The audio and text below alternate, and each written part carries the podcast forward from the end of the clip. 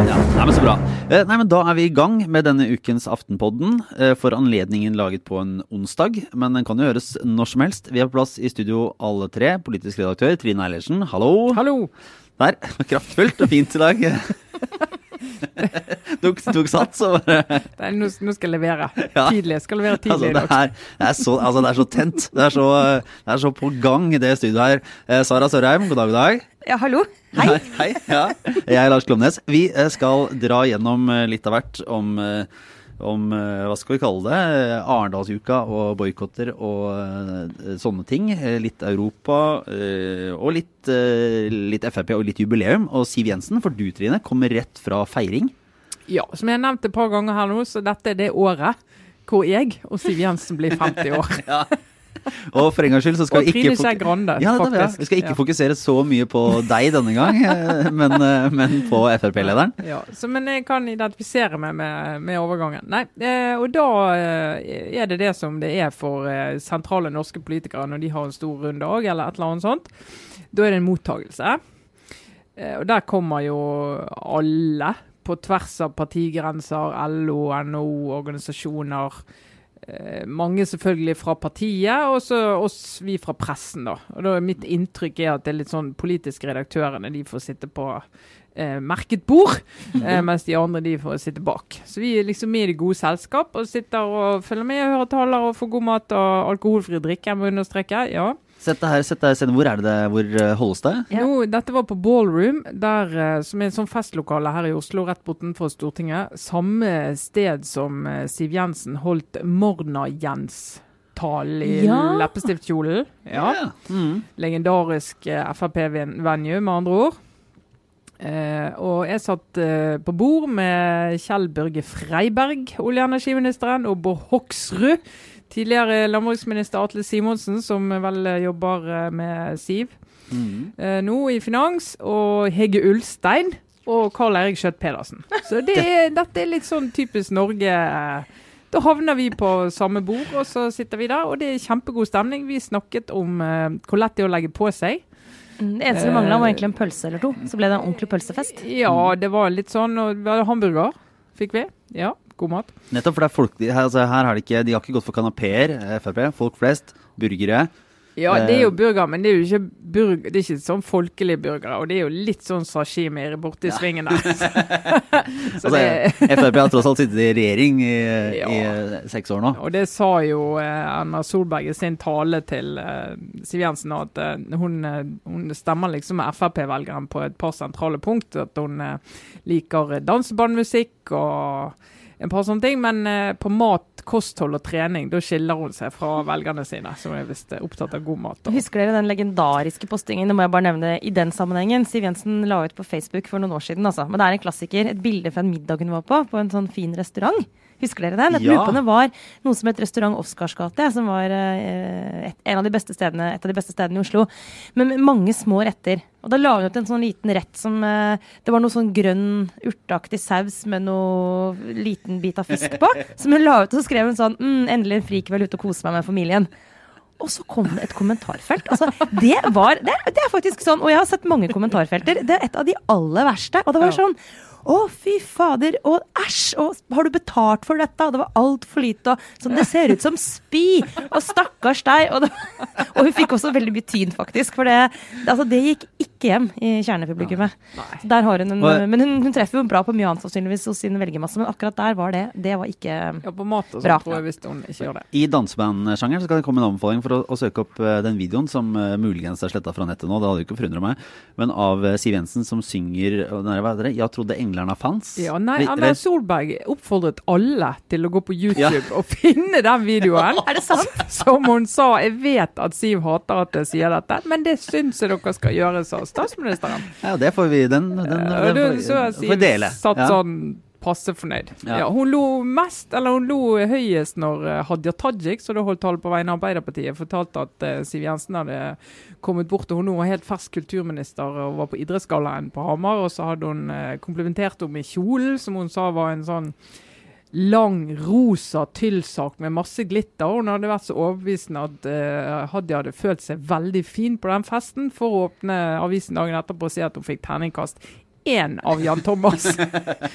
så hun mente at hun og Siv uh, hadde til felles at de ikke Slo an hos Jan Thomas, da. Ja, ikke sant. Men, men, er det, for da er det Det er altså politisk redaktør og journalister og, og andre med, si, politiske venner, men det er også da politiske motstandere ved sånne anledninger. Ja, ja og det, Dette er jo litt, eh, litt, sånn Norge. Du har noen sånne anledninger der liksom de politiske forskjellene helt viskes ut. Mm. Uh, og dette er en sånn anledning. Da skal politiske motstandere reise seg, holde tale uh, og fortelle gode ting. Og du har videoer. Det var hilsen fra Jens Stoltenberg og Jonas Gahr Støre. og litt sånn Snakker om den voldsomme respekten for uh, Siv Jensen som motstander. Og det, det, er nok det er reelt. altså De bruker jo anledningen til å si det de har av pene ting å si om sin politiske motstander, og går da selvfølgelig ikke inn i saken. Oppleves det som, som ek, Er det ekte? Er det sånn et vakker, hva skal jeg si, en vakker ting med vårt demokrati?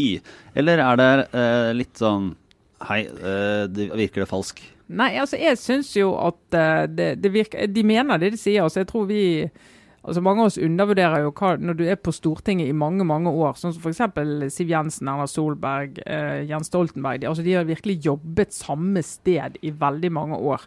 Og så har de jo uenighet på en del saker, men sånn personlig har de jo den samme kjemien som Altså Vi har jo med alle vi jobber med. sant? Folk, jeg mm. vet jo ikke hva folk mener om ting her, for vi diskuterer det jo bare av og til. Men du har veldig god kjemi, og du kan mm. le, og du kan tulle, og du har omsorg for barn og alt det der. Forskjellen der nede er jo at de vet hva de andre mener om alle mulige forskjellige mm. saker. Men ellers er det jo et arbeidsmiljø, det òg. Ja, så er det jo ofte sånn, eh, tror jeg, at de mest intense personkonfliktene får man jo i eget parti.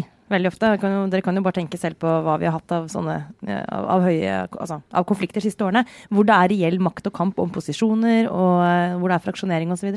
Den kampen altså på tvers av partigrensene er annerledes. Det er åpent. De er åpent uenige, men som du var inne på, Trine, det er jo oftere om sak. Ja. Sant? Eh, og person, det er personkonflikter som, som er vanskeligst. Eh, så det er lettere, tror jeg, ofte å si noe pent om en politisk motstander enn en eh, partikamerat. Mm. var det et annet sånn klassisk uh, ting ved de uh, anledningene, er at det deles ut gaver som ofte har en eller annen litt sånn overført betydning, eller en eller annen rolle. Jeg husker Jens Stoltenberg fikk vel en eh, Det var trøbbel, for han fikk en eh, båt av LO. Det ble en sak. Det ble ja. en sak, fordi det var spørsmål om han skulle skatte av den, og hva som var verdt, og alt mulig rart. Og tidligere var det, var det noen som fikk en motorsag, var det Kristin Halvorsen? Det er alltid en eller annen liten sånn derre blir alltid noe tull med de gavene. Ja, var det noe her? Nå fikk jeg ikke med meg alle gavene. Jeg vet at hun fikk fra regjeringen fikk hun en sånn, sånn paddleboard som hun skal bruke i Oslofjorden. Bra. Som ble veldig glad for. Og det, som Erna Solberg sa, det, kan hende når du ser innpakningen at du tror du, vi har gitt deg en mann. Men det, det, har vi ikke gjort. Men det er, det er dristig til en dame som ikke kan, uh, ikke kan være i en båt engang uten å falle og brekke, ryggen. Så skal hun stå på en sånn uh, ja, ja, hun skal stå der og, og, gå inn i sin indre harmoni. Ja. Nei men jeg er glad gjengangeren om Siv Jensen leder den andre lederen i Fremskrittspartiet, altså hvis vi ser bort fra grunnleggeren av partiet, men altså etter Carl I. Hagen, eh, som mange jo trodde, og det blir jo nevnt stadig vekk, at når han partieieren Carl I. Hagen ga seg i 2006, var det vel, eh, så skulle hun overta. Hvordan skulle det gå med Frp, som var så ekstremt knyttet til denne personen. Eh, og det var jo mange urolig for inni Frp òg. Eh, etter det har de jo hatt eh, det beste valgresultatet. De har hatt de har toppet på målingene. Hun har tatt partiet inn i regjering.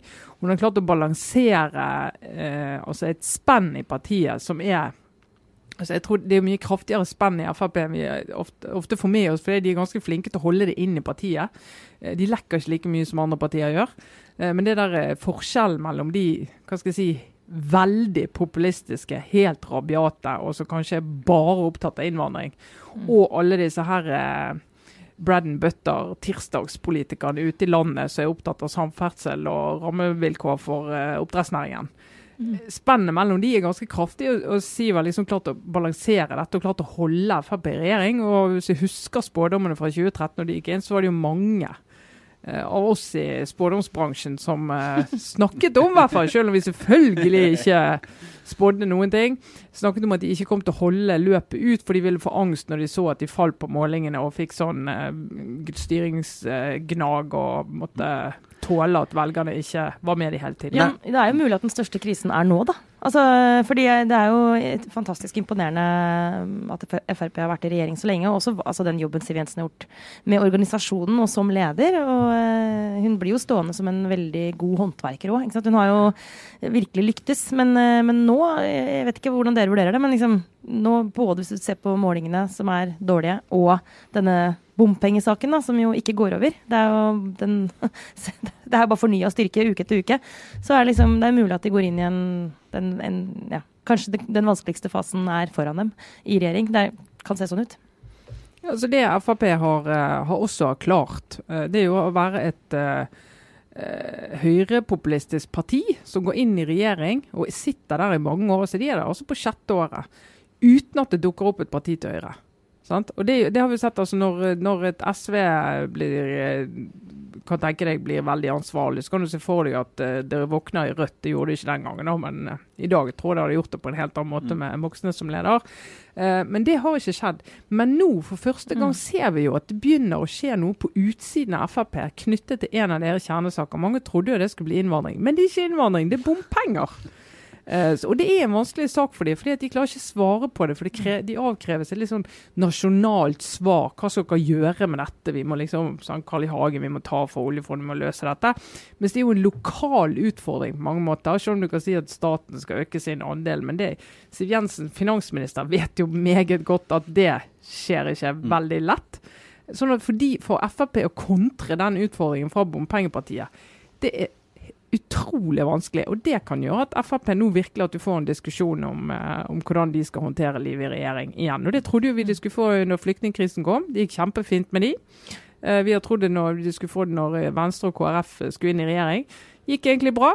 Men dette er kanskje den tøffeste saken så langt. Mm. Så kan vi gå videre egentlig til neste tema, som jo er det det forsøket på å skape et parti er, er litt er nesten for å ta det for alvorlig som parti og si at eh, For det har ikke, de har ikke akkurat vist seg på målingene, da. Dette alliansen mm. til, til, eh, Hans Jørgen Lysglimt Johansen, som har vært oppe i, som tema i podkasten her tidligere.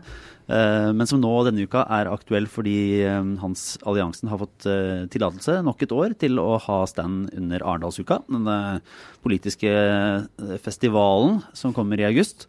Mm. Um, mot det, og nå får nå kritikk fordi hun har kommet med Lysglimt Johansen har, har, kommet med både grovt sånn antisemittiske og, og, rasistiske kommentarer. og eh, kritikk mot eh, Erna Solberg som, som, mer eller mindre landssviker eller på en måte forræder mot, eh, mot Norge. Det er ganske harde ord da, i, i, i politikken, får man si. Mm. Eh, Arbeiderpartiet i dag onsdag sier at de vurderer å droppe hele Arendalsuka fordi alliansen skal få stå på stand. Dette kom jo i kjølvannet av, eh, av nordiske mediedager, hele den Steve Bannon-debatten som vi har dratt opp i flere omganger. Hva tenker du, Sara? Er, dette, er det annerledes? Er du, sitter du her fortsatt på ytringsfrihetstalt inn i journalistikken, hesten din? Og, Den litt sånn halte hesten? Ja, ja. Den, en stolt, men halt hest. ja. Uh, jeg syns det er litt annerledes med denne saken. Uh, selv om jeg syns ikke det er Jeg syns jo uansett når jeg hører ordet boikott, at jeg, det, det, har jeg et veldig negativt forhold til. Altså jeg tenker at Det må være siste Det må alltid være liksom det siste, siste man gjør om til når man har prøvd alt mulig annet. da men uh, det som jeg syns er litt eh, krevende med den Krevende, der kom det. Bing. Med, bing, med denne saken er jo at uh, For å sammenligne da med bandintervjuet, så var det nettopp et intervju. Altså det, det var en regi på, på, den sceneopptredenen til Steve Bannon. Han var invitert uh, av mediedagene, og han ble intervjuet av en journalist, Aftenpostens Christina Pletten. Um, og det syns jeg setter det i et litt annet lys, fordi han, han ble ikke gitt anledning til å liksom drive med sin uh, Altså til å bedrive polemikk eller holde på med propaganda eller uh, argumentere fritt og åpent om hva som måtte falle han inn. Altså, det var, det var, var noen en, som uh, ville si at det var et snev av polemikk og propaganda involvert i den uh, settinga òg, ja. men altså, det, det, vil for eksempel, altså, Og det er, det, det er mange som mener at han fikk for lite motstand i det intervjuet, og det kan man selvfølgelig diskutere. Altså, skulle, skulle journalisten valgt et mer konfronterende intervju? Skulle det vært andre typer type spørsmål, men det var et intervju. Jeg syns han ble gitt uh, gode utfordringer i den samtalen. Uh, og det mener jeg er litt annerledes enn det å gi noen bare plass eh, på demokratiets dansegulv, som jeg må si med et lite skjerfsmil. Ja, fordi, eh, fordi, og fordi at ja. det er liksom at de skal stå og, og, og rett og slett propagandere sitt syn, da, og dele ut uh, flyers og diskutere med folk. Og når du, uh, sånn som han Lysglimt, uh, i hvert fall tidligere, har kommet med uttalelser som jeg mener er liksom på grensen til antidemokratiske, da. Så det syns jeg faktisk er litt vanskeligere å akseptere. Fordi altså, Arendalsuka det dreier seg om å ha Gatene i Arendal fylles av ulike telt, og du har alt mulig fra norsk eh, politikk og organisasjonsliv. Du får uh, små grupper for, uh, for, alle mulige slags helseplager og interesser og altså, helt hobbyer. Utrolig. Og... Altså, man skjønner jo ikke hvor stort unnskyld nå, men altså, hvor stort eh, Organisasjons-Norge er, og hvor mange interesseorganisasjoner som mm. finnes før man er der i Arendal. Det... Og mange kommunikasjonsrådgivere, for det er gjerne en sånn ja. kommunikasjonsansvarlig som dere deler ut kaffe og står med sånne karameller og prøver å gi deg en brosjyre om en eller annen lidelse. Ja. men der er jo også da Der har vel da styret styret i Arendalsuka sagt eh, si, De har ikke sagt eh, nei til å inkludere alliansen. Nei, og det var jo tydeligvis noe de har vært enige med seg sjøl om før også. Uh, men altså, jeg, jeg, følger deg på, på den, Sara, at det er litt uh, annerledes. Altså, Dette er en mann som har uh, omtalt holocaust som et godt grep, propagandagrep. Mm. altså, Du liksom stiller spørsmål ved så grunnleggende sannheter premisser for samfunnsdiskusjonen.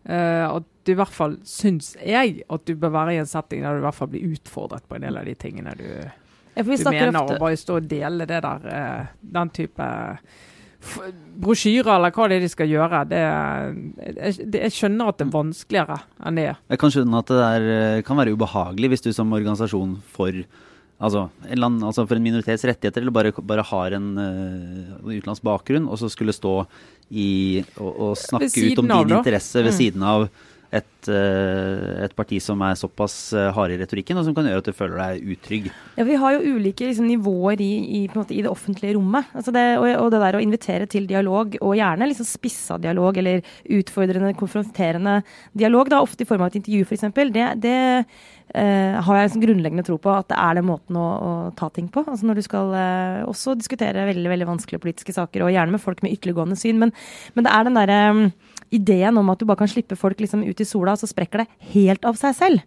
Sånn uten noe form for regi eller motstand. Det liksom Ja, det kjenner jeg litt på. Og så tenker jeg også på den situasjonen som var i Almedalsvekkan i fjor, hvis dere husker det. Hvor det var noen husker ikke hvilken organisasjon det var i farta, men det var en, svenske nasjonalister slash nynazister som var i Almedalsvekkan, som jo er det svenske eksempelet Det er jo egentlig utgangspunktet for Ja, liksom.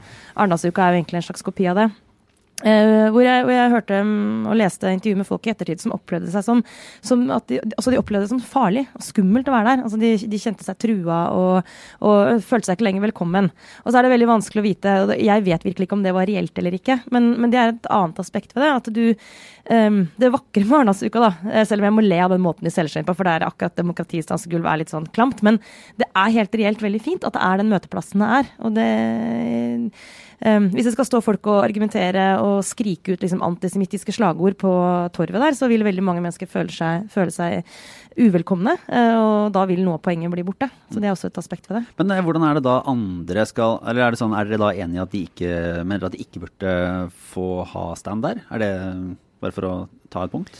Altså, jeg, jeg tenker jo Det der må jo Arendalsuken bestemme, på en måte. Og så må de tåle å få motstand når de merker at det, er, at det skjer. Og så er det jo fritt opp til andre å si, si at de vil altså, Jeg syns det er rart at Arbeiderpartiet vil boikotte alle de andre arenaene der pga. dette. Mm. Uh, for da ville jo heller, hvis jeg var Arbeiderpartiet, tenkt at nei, men vi får jo bare overdøve og å holde på med ting som gjør at de kommer enda mer i skyggen. Men er det, ikke, er det ikke, nettopp det eller Arbeiderpartiet vil i så fall velge å tenke at dette svekker troverdigheten, vi vil ikke være en del av dette her. Er det ikke det som er den motstanden du sier? Hvis Arendalsuka skal, skal si at uh, jo, vi vil åpne her for mer eller mindre alle, så kan du, ikke, kan du da forvente at alle andre skal stille opp og så bare akseptere det? Altså, for det er jo, da er jo valget skal de faktisk Det oppleves jo som legitimer. Da er det argumentet om at det legitimerer de synspunktene som de står mhm. for ved å gi dem en plass. Akkurat det syns jeg er litt sånn vanskelige argumenter. Hver gang du gir noen en, eh, en talerstol eller et eller annet, så legitimerer du. Da har du jo Aftenposten legitimert Gud hjelpe meg mye rart. ja. Så vi publiserer, for det gjør vi jo, sant. Men altså, det er jo Men jeg ser jo altså Jeg ser jo hvor reaksjonen kommer fra også i, i Arbeiderpartiet. da, At det blir litt sånn Skal vi være i selskapene her? Skal vi liksom gå rundt i dette og late som om vi er likeverdige spillere i, i det samme i det samme spillet da, som er norsk når, politikk. Men vi må jo skille litt da, mellom hva, altså de ulike tingene. Det er ikke som at alliansen er invitert inn i alle settinger i Arendal. Det er ikke som at de, skal de sitte på Nei. Og det er også viktig å understreke. Da. Altså, øh, hvis de skulle vært i en partilederdebatt for eksempel, med Arbeiderpartiet og de andre, så ville jeg synes det vært en helt naturlig reaksjon å ikke ville stille på det. Og grunnen til at jeg mener det, er at sånn prinsipielt så må vi skille litt mellom Altså Et eller annet sted så går det en slags sånn grense, jeg var inne på det i stad, men det går en grense på en måte hvor du kan si at noen er utenfor det det vi kan kalle et, et hvitt altså, Krefter som er antidemokratiske, som befinner seg på utsiden av det fellesskapet. Eh, F.eks. uttalte nynazister. Eh, eller fascister. Eller, ja, det har liksom grupper som på ingen måte kan si at tilhører det store, fargerike, demokratiske fellesskapet. Det men, syns, men, men, men, det er, det er vanskelig å si. Jeg mener at ja. det går en grense et sted der. Og så er det vanskelig å definere den helt nøyaktig, men ja. Hvis mot formodning da, at alliansen skulle greie å mobilisere så mye velgere at de kommer får inn et utjevningsmandat på Stortinget, så da skal de i partilederdebatt. Ja, det, er den diskusjonen du har hatt i Sverige, sant? når de etablerte partiene ikke ville stille i partilederdebatt med et parti som faktisk var inne i eh, nasjonalforsamlingen. Mm. Eh, som jo, altså Da har du et parti som har posisjon, og som har velgere i ryggen. Eh, som de ikke ville debattere åpent med foran et publikum. Så jeg mener problematisk. Selv om de mener ville ting. Men eh, det, det, er jo annerledes når de er et annet sted. Jeg er enig i det, men du kan jo sette grensen eventuelt for å gjøre litt enklere da, et annet sted, som er å si at uh, det finnes ytringer som er ulovlige.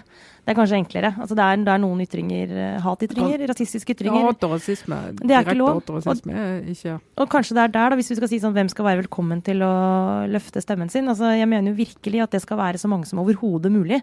Altså, den offentlige debatten må være så bred som overhodet mulig. Men hvis du, har, hvis du bryter loven med det du sier, så er det vanskelig å se for seg at du da skal være akkurat like velkommen inn. Men er det ikke litt sånn feigt å alltid stille seg bak loven? Fordi av og til så må jo altså Hvis et parti eller andre må si sånn Ok, hva er det vi det, Moral og lov er jo med vilje skilt fra hverandre. For det er ting som skal måtte ikke nødvendigvis straffes av, av rettssystemet, som, som, samfunnet må forholde seg til. Jeg tror Det blir rart hvis vi skulle legge alt, all oppførsel og all sånn moralsk kodeks på nivå med norsk lov.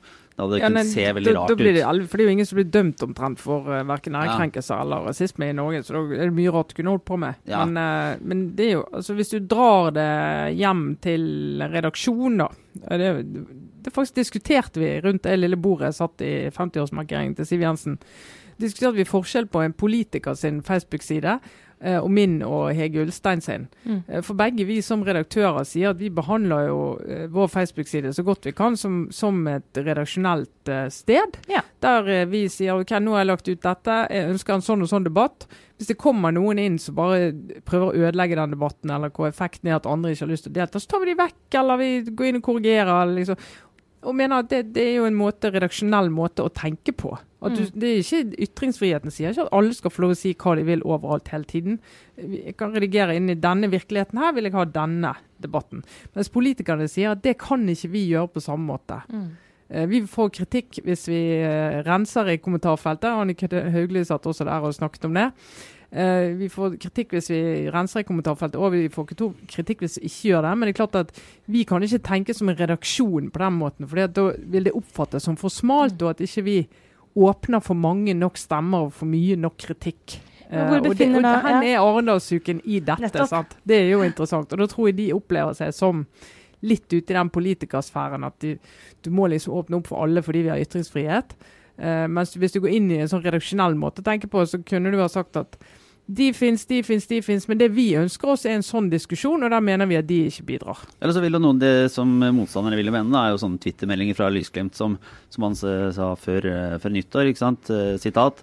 Om vi ikke tar det oppgjøret med de globalistiske jødene nå, i Norge ledet av jøden Ervin Kohn, jødelakkeien i Høyre, jødelakkeien i Fremskrittspartiet, mm. banker de gjennom FNs migrasjonsplattform, og da er det over. Du velger hva du er laget av, hva står du for? Altså det er sånn det er jo spørsmål Men dette er innen, altså, Hvor er det den grensa går? da, På hva som er innafor eh, og utafor det demokratiske men, fellesskapet i Arendal? Jeg mener det er helt, helt greit at Arendalsuken hadde sagt nei til de. Det mener mm. jeg er helt greit. Jeg mener at de ikke bør føle seg eh, tvunget til å ha de med bare fordi de fins. Mm. De kan helt fint si at den type ytringer Vi vil ikke ha folk som står på torget i Arendal og sier sånne ting. Rett og slett fordi det er så fjernt fra virkeligheten. Og så bare sitte og servere sin helt egen virkelighet. Jødelag, hva er det for et ord? Men er det, grei, er, det, er det da ugreit at Arbeiderpartiet, hvis de bestemmer seg for å eh, for å skulle takke nei til Arendalsuka for å markere motstand mot dette her, er det, er det dumt? Du må skille litt mellom Man kan jo være mot jeg, Det er ikke noe vanskelig å være mot uh, deltakelsen fra Lysglimt i, i, uka. Og litt, jeg har jo argumentert for også det med det, hvordan det ødelegger for de andre. Men så er det sånn, ok, vi kan være enige om sikkert veldig mange at uh, det, best, det er best hvis de ikke er der. Men hva er det beste måten å markere den uenigheten på? Uh, og da mener jo jeg ikke at det å boikotte hele Arendalsuka er den beste måten å gjøre det på. Altså det, men det er to litt forskjellige ting. Det betyr ikke at jeg ikke syns det er Altså jeg forstår at de reagerer, uh, det, det, skjønner jeg godt. Men det å da trekke seg fra hele diskusjonen, alt det andre som skjer der, blir jo på en måte, Da blir det liksom du, da blir det dobbelt ille, da. Da blir jo også veldig mange av de andre gode debattene som skal være der, dårligere fordi du mangler eh, Arbeiderpartiets perspektiv på saker. Og det tenker jeg er dårlig for Arbeiderpartiet, og også dårlig for, for, for, alle de andre som kommer dit og faktisk ønsker å oppleve god politisk diskusjon. Da. Så det tenker jeg er liksom et uheldig virkemiddel. Ja, jeg tenker jo at de må, Hvis de har lyst til å bare ikke ha de med, så bare ignorer. Bare overdøv istedenfor å la være. Men å liksom kjefte masse på dem og si at dere burde stille opp. For dette handler jo ikke om å stille opp i en debatt mot dem eller noe sånt. Det handler liksom om å være i samme by på samme tid, på samme, i samme setting. Og det må være helt greit å si at de ikke vil det, og det må være helt greit. Jeg ville tenkt vi drar, og så bare over, overdøve. Nå mistenker jeg overhodet ikke Arbeiderpartiet her for å liksom skyve alliansen foran seg, men det er jo også en kjensgjerning at det er jo litt sånn slitasje uh, i partiene når det kommer til akkurat Arendalsuka. Det kan vi avsløre at det snakkes blant uh, våre venner i politikken, at ja. nå kommer alle invitasjonene. Ja, og så vil det jo ikke forundre meg om Arendalsuka backer litt ned på dette, og at Arbeiderpartiet stiller likevel. Altså, det er en, uh, dette er jo et, uh, sånn sett et uh, maktspill òg, og en markering. Ja, også, fordi det handler også litt om men den arenaen der. Altså, det jo, er jo ofte startskuddet for valgkampen sånn den, i hvert fall innspurten av den, denne uka i august. de årene det er valg, sånn som i år. Men det er klart at det, og særlig kanskje på lokal, altså kommunevalg, i kommunevalget, så tror jeg nok at en del av politikerne kjenner det litt sånn bortkasta. De skal liksom delta i en sånn demokratifestival, men de er jo smertelig klar over at de debattene i Arendal foregår mellom politikere, og de som hører på, det er rådgivere og folk som jobber i organisasjonslivet, og en og annen fyllesyk journalist. Og det er liksom sånn, og de, de, bruker utrolig mye tid og krefter der, så flytter det en eneste velger, det er jo Det tror jeg det er mange som stiller seg spørsmål om for tiden, og det, det er jo et godt, et godt spørsmål. Ja. Eh, vi går vel over da til litt obligatorisk refleksjon. Jo, skal jeg en liten ting som jeg skulle bare si eh, som eh, fra, fra, uka som har gått. Det er vel, det er vel et godt, og, godt men ubekreftet rykte, men helt generelt. Jeg var i et møte med noen på huset her denne uka om podkaster og, og Aftenpodden, og så ble det, var det noen som sa snakka om at mange podkaster nå for tida har sånne gir sånne uh, Ber lytterne komme med en eller annen form for anerkjennelse når de uh, ser folka fra podkasten på gata. Jeg har ikke helt har fått med meg, men det er visstnok Radioresepsjonen og noen andre som har litt sånn der, eh, pell deg i nesa eller gjør et eller annet tegn eller noe sånt. Og så kom det, jeg må si, lansere det, for da ble det jo kjapt da sånn Ja, hva skulle Aftenpodden hatt? Og vi skal ikke etablere dette her. Men det kom litt for fort. Så var det ei som foreslo sånn Ja, dere må ha tatt sånne, sånne four eyes. Altså når du holder eh, fingrene foran eh, øynene og, og signaliserer at du har briller. Som jeg bare fordi, er, fordi, vi er så nerder, liksom? Ja. ja for det er, ikke, eller, det er ikke kult og hipt. Det er ikke, sånn, det er ikke tegn på sånn dere er veldig eh, trendsettende, f.eks. Vi har jo Nei. fått helt makke briller siden sist. Altså. Ja, så jeg, jeg vet, jeg skal ikke, dette var ikke en oppfordring, men vi får jo tenke ut uh, om vi skal ha et et, eh, et eh, sånt konsept. Men jeg bare, det var sånn Ja, det var veldig treffende og litt for raskt resonnert. At det var det som var vårt eh, nasjonale tegn. På. Ja. ja. Men det er veldig koselig når folk kommer og sier at de har hørt på, da. Så de kan, de kan godt, bare, de kan godt holde oss til det, for min del. Ja, det er egentlig hyggeligere at folk bare sier hei. Ja, det bare sier hei. Enn, enn å jagle sånn veldig mye. Men det får vi se på. Eh, nei, eh, litt eh, obligatorisk refleksjon inn i eh, dette her. kanskje du vil begynne, Sara?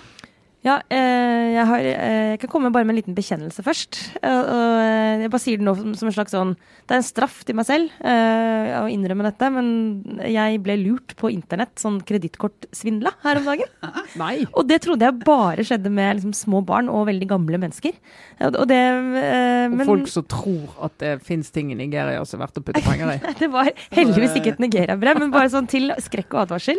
Det var en brukerundersøkelse fra noe som så ut som Telenor. Altså det så helt ut som Telenor. Og jeg har akkurat byttet abonnement, så jeg svarte på den brukerundersøkelsen. Og det var kjempemange spørsmål. så la du inn, la du inn Nei, men så. Og eh, nå, som sagt jeg, Altså, dette her Men det kan jo hende at det er noen der ute. Nå er jeg sånn Det er lov nå skal jeg gå foran som et eksempel på sånn Det skjer også med oss. Nei, det var, men jeg Hva burde jo mener du med oss? oss Jeg, ikke med meg. forhenværende ressurssterke personer. Nei, men man skulle, man skulle et, altså, Greia var at hvis han tok seg den tiden Det var veldig mye tid. Skulle vinne på- Gjette hva du kunne vinne. En iPhone! Og gjett hva som skjedde? Jeg vant. Ja, Men så måtte jeg betale, jeg måtte betale porto. Så, det, Så da gjorde du det, og da yes. var det kjørt. så ble kortet avvist, eh, eller betalingen gikk igjennom. Gjett hva jeg gjorde da? Jeg dro opp kredittkortet. Tasta inn det òg. Ble det avvist? Da skjønte jeg det. Og da skulle jeg reise til Jeg har vært på jobbreise et par dager, så ja, bla, bla, bla. Men altså det, så det bare mm, Nå er jeg forberedt på at jeg kanskje er nå latterliggjort eh, herfra ut i helvete Ut i evigheten, men det skjedde. Ja. Ja, det syns jeg var, det var raust av deg å dele. ja. Ja. Men, altså, så, men så derfor så har jeg ikke gjort så mye spennende. da Blakk og innestengt eh, som jeg har vært. Jeg har jo ikke, jeg har jo ikke penger.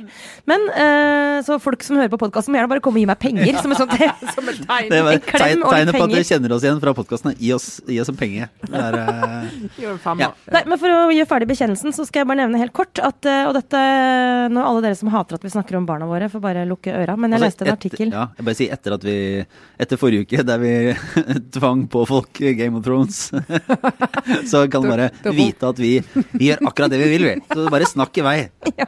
Jeg skal gjøre det mye kortere enn Game of Thrones, men jeg skal anbefale en artikkel som jeg kan legge ut eh, på siden vår på Facebook. Men det var en, en pedagog, som barne, eller barnehagelærer, tror jeg, som eh, skrev om det med mm, eh, at det er så krevende for foreldre å være sammen med egne barn. Ofte sånn, Du får liksom ikke gjort noe annet hvis du, er, eh, hvis du har fri og er hjemme med barna. Så det er en del foreldre som leverer barna i barnehagen selv om de har fri selv. Og det er, noen i barn, det er en liksom diskusjon som går på sånne forum på nettet. og det Er som litt sånn, er det dårlig stil? Er det liksom er, er det slemt? Er du dårlig mor hvis du har fri og er hjemme, og, og så skal du rydde huset, så du leverer barn i barnehagen? Uh, og heldigvis var det to ting. Hun sa sånn nei, det er du ikke. Det er helt greit. Barna har det fint i barnehagen. Men poenget var at det hun også skrev, var at men uh, kanskje foreldre må liksom slappe litt av på at det er faktisk noen ganger helt greit, i hvert fall når det er litt større barn, da, å si at du må gjerne være hjemme med meg i dag. så Det er kjempefint å ha deg, at vi er sammen hjemme. Men jeg kommer til å bruke hele dagen på å rydde huset. Så, så du, jeg kommer ikke til å sitte med deg og sånn, liksom, engasjere meg i din lek og liksom være sånn 100% til stede. Og det er jo et ålreit perspektiv i en verden hvor nesten alt det handler om, er at eh, foreldre bruker for mye tid på skjerm. Det, liksom, det føltes godt å høre Men- sånn, men det er lov, det. Li- Litt. eh, spørsmål, da. Eh, men ville det vært Mener du at det ville vært like greit å si sånn Nei, jeg kan ikke være med deg fordi jeg skal uh, se en sesong av Game of Thrones, eller jeg skal eh, altså, gjøre noe det er gøy. For det var, det så var du litt må sitte bak ja, for det var litt den der Jeg skal rydde hele dagen. Ja, men jeg har ikke lyst til å rydde hele dagen heller. Nei, jeg har lyst til å sitte på Men, Facebook. og det er her det begynner å bli litt sånn vanskelig, selvfølgelig. For hvor går den grensa? Men det der å være sammen med barna uten å være sammen sammen med barna, og at det kan være fint for barna å være med de voksne eh, uten at de voksne trenger liksom å engasjere seg så utrolig mye. Kanskje til og med er litt deilig for ungen at ikke mamma og pappa sitter på gulvet og bygger Lego. Kanskje de syns det er deilig å gjøre det sjøl. jeg liker alle sånne, sånne ekspertvurderinger som er sånn Du kan egentlig bare slappe litt av. Ja. Gjør mer av det du har lyst til. Ja, ja. Eh, dette Og ordner seg. det mitt, du må jo bare ha to barn, for da trenger du ikke å leke med dem. Det er det som er trikset. Ja, altså fordi at det er også bedre nett, ikke færre enn Altså, jeg var alene med ungene nå i mange dager. På søndag så ryddet jeg altså den verste boden i huset med to unger. Og så sier jeg nei, jeg er nødt til å gjøre det. Ja, men vi skal på sykkeltur. Sykle i vei. Jeg er her. Jo, men du, dette her, og da, eh, ja, men vet du hva, nettopp. Og da er det egentlig bare å slå et slag for sånn eh, senk litt krava til eh, både deg sjøl og omgivelsene. Og så det er så mange unger, de er så overstimulert. Det er så mye som skjer at det, det holder på å rable for dem. Ja. Ja, må ikke gjøre det. Men det sklir vi jo godt over. For, det, for de som ikke vil at vi skal snakke om barn og sånn, de får, vi får si det som en Game of Thrones, du får skru av. Ja. Men, men neste Du skal jo, jo komme med noe etterpå, Lars. Ja. Jeg ville likevel hengt med. Ja, eller bare hoppe litt fram. Spole litt frem. Lars skal si noe som har med samfunnet å gjøre etterpå. Ja, men dette har med samfunnet å gjøre, vil jeg si. Siden familien er byggeklossen i samfunnet, Sara. Har du ikke, har, har du ikke sett den videoen til uh, Kjell Ingolf Ropstad? Å gud, jo. Det Det hadde jeg bare fortrengt. Det er byggeklossen Den har vi glemt. Den har vi glemt. Oi, oi, oi, den eh, krever jo mye. Men uh, jeg vil, jeg vil rett og slett slå et slag for uh, foreldrekoden. Nå er det et Aftenposten-produkt. Uh, det er en podkast jeg har laget her, men jeg binget en del episoder av den i helgen når jeg var på å rydde boden. Eh, og da tenkte jeg nå skal jeg høre på dette ordentlig. Jeg hørte det. Hedvig Montgomery og Bjørn Egil Halvorsen eh, som snakker om forskjellige problemstillinger for oss som har barn i forskjellige aldre. da. Og det syns jeg var for ofte. Eh, sånne, derfor jeg går aldri inn på sånne forum.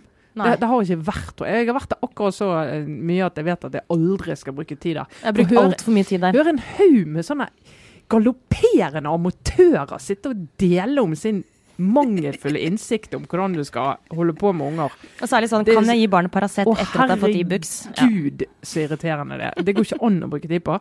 Eh, men å høre noen som diskuterer litt sånn konkret da. Hun, Hedvig Montgomery er jo da en fagperson. Eh, og kan gå inn i det sånn konkrete problemstillinger og litt sånn gi noen sånn konkrete råd. For ofte de der eh, rådstedene der du skal hente råd, de stopper jo der det blir vanskelig.